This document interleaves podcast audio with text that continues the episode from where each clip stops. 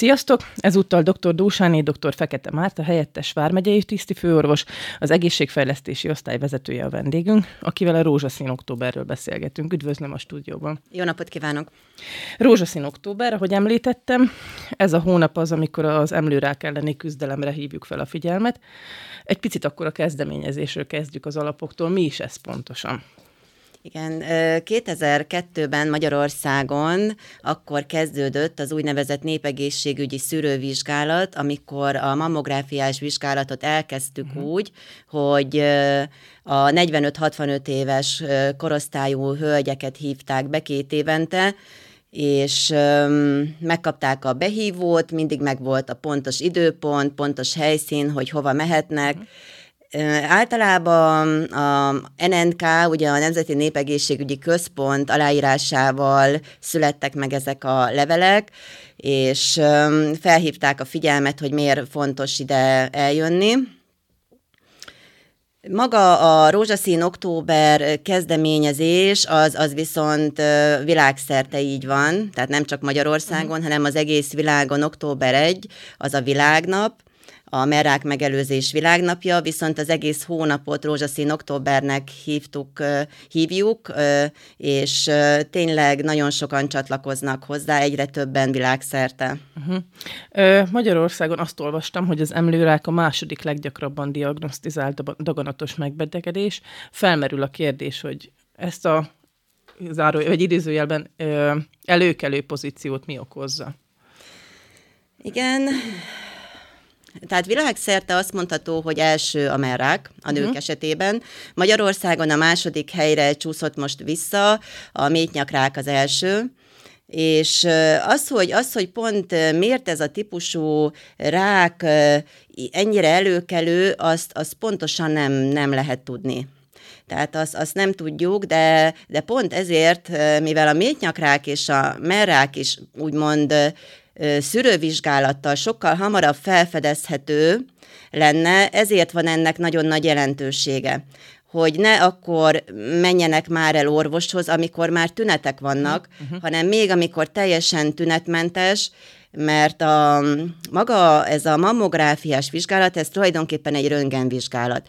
Egy Hát fájdalmatlannak mondjuk, talán, talán egy kicsit kellemetlen, mert így két irányból összenyomják mhm. azért a melleket, viszont mégis ilyen milliméteres nagyságrendű elváltozás, daganatot már fel lehet mhm. fedezni. Uh-huh Viszont nagyon fontos ezen kívül az önvizsgálat is, ugye ezt legalább minden hónapban már, már akár a tizenéves korban, amikor kifejlődött a mell, onnantól folyamatosan az önvizsgálat, ez tükör előtt, utána állva, fekve, hónaljat is megnézve, de viszont azt lehet mondani, hogy amikor én már kitapintom azokat a csomókat, vagy, vagy esetleg látok valami bőrelváltozást a mellen, vagy azt látom, hogy váladékozik a melbimbó, tehát amikor uh-huh. már tünetek vannak, azért az már nem azt mondom, hogy késő, mert hogyha akkor azonnal elmegy az orvoshoz, akkor is még nagyon jó, de mammográfiával azokat is kimutatják, amik egyáltalán nem tapinthatók és nem láthatók. Tehát ezért nagyon-nagyon fontos a mammográfiás vizsgálat, ami ugye ez a népegészségügyi szűrővizsgálat gyakorlatilag a teljesen tünetmentes nőknél. Mm. Pont erre akartam kitérni, hogy ebben a hónapban kiemelten kezelik a szűrés fontosságát. Nyilván ezt folyamatosan kommunikálják, de hogy százalékosítva esetleg tudunk-e arról beszélni, hogy mit jelent az, hogyha korán felismerem a betegséget, ö, időben elmegyek, vagy azt, ha halogatom. Tehát a megbetegedés, ne adj Isten, az elhalálozás, az milyen arányban működik itt? Igen, igen. Hát erre, erre olyan adatokat tudok mondani, hogy 2007-ben mintegy 7000 új esetet fedeztek uh-huh. fel. 2019-ben, tehát 10 év múlva már 8500-at. Viszont a halálozás 20%-kal csökkent, mert, mert ez a tizenév alatt azért egyre hamarabb és hamarabb kerültek ezek az elváltozások felfedezésre, és minél hamarabb sikerül elkapni ezt a felva- elváltozást, annál hamarabb kerül műtétre, és utána annál jobb a gyógyulási hajlam is. Uh-huh.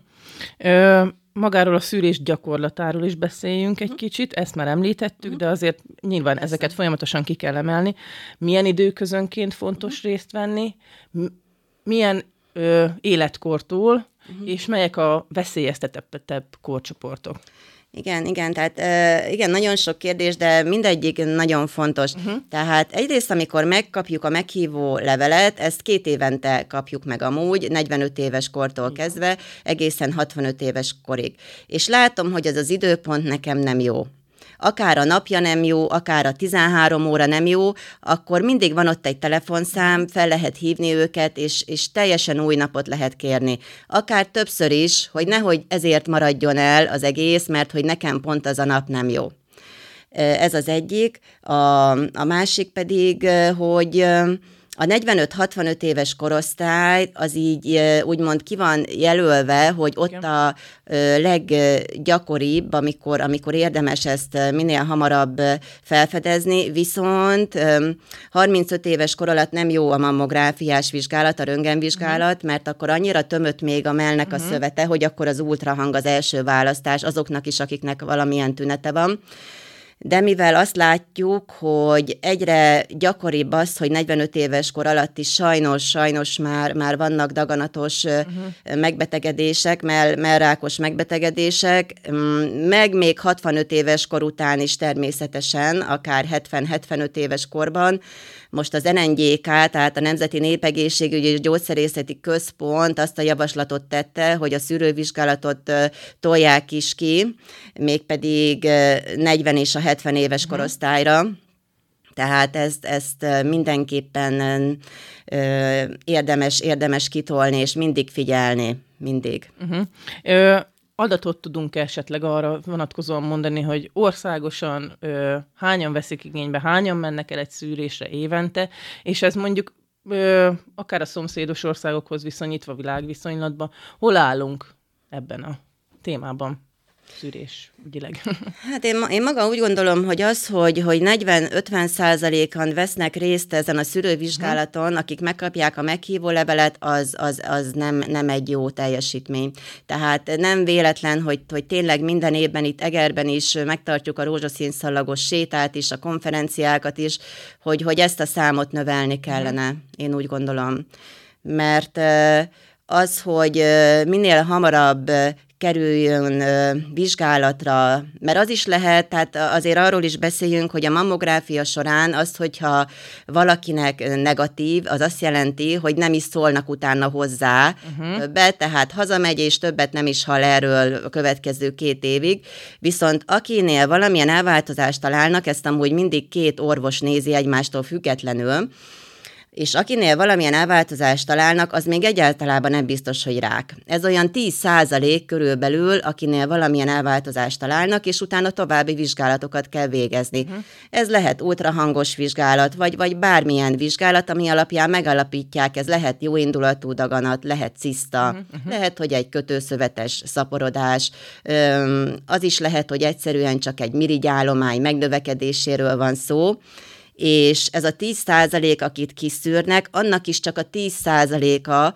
ahol utána bebizonyosodik, hogy ez, ez tényleg egy, egy merrák, és még ott is 90 százalék a gyógyulás, hogyha minél, minél hamarabb megtörténik, ugye ez lehet műtét, utána egy tím megállapítja, hogy a műtét után szükség van-e még másra, lehet hmm. sugárkezelés, lehet kemoterápia, lehet immunterápia, lehet hormonterápia, ezt mindig már egy tím állapítja meg hivatali szinten, én a kormányhivatalnál dolgozik, a kormányhivatal szerepéről is szeretném azért kérdezni. Hogyan van jelen a programokban a kormányhivatal, milyen lépéseket tesz azért, amit az elmondottak alapján, hogy a szűrésre menjünk el, tehát hivatali szinten hogy működik ennek a programnak a promotálása? Igen, hivatali szinten a népegészségügyi főosztályon van egy kollégám, aki kifejezetten a szűrésekkel foglalkozik, és ő rendszeresen kapcsolatban van egyrészt az NNGK-val, tehát a Nemzeti Népegészségügyi és Gyógyszerészeti Központtal, másrészt pedig a kórháza, kórházzal, itt most nálunk Heves megyében a Markot Ferenc uh-huh. kórház, ahol van ilyen szűrőközpont, és rendszeresen ő az, aki segít annak a kiválogatásába, hogy kik azok a hölgyek, akiknek kell, hogy meghívó levelet kapjanak. Tehát ez egy ilyen nagy koordináció és nagyon nagy rend, rendszeresség szükséges, rendezettség szükséges ehhez, hogy ez, ez tényleg tökéletesen menjen, és nem maradjon ki senki. Végül a beszélgetésünk végén már sok mindent elmondtunk, talán többször is, de én arra szeretném kérni, hogy a legfontosabb üzeneteket egy-egy mondatban azért fogalmazzuk meg még a nőtársaink felé.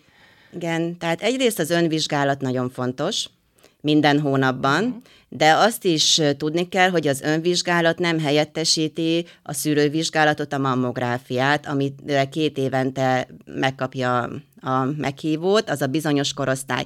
Ha éppen kiesik ebből a korosztályból, és bármilyen elváltozást észlel a mellén, akkor azonnal jelentkezen a házi orvosánál, és akkor utána mm, majd kiderül, mert lehet, hogy az, az nem is rossz indulatú elváltozás, de mindenképpen ki kell vizsgálni.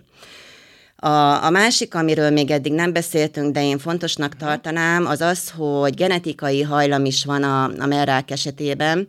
Tehát, hogyha valakinek közvetlen hozzátartozói, egyeneságú, felmenői, édesanyja, testvér, nagymama már volt merrákos megbetegedés, akkor itt ö, ö, fokozatosan kell figyelni, és a házi orvossal megbeszélni, hogy milyen rendszerességű szűrővizsgálatok szükségesek ebben az esetben.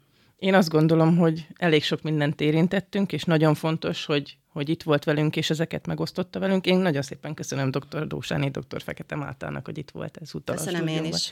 Köszönjük a figyelmeteket, sziasztok!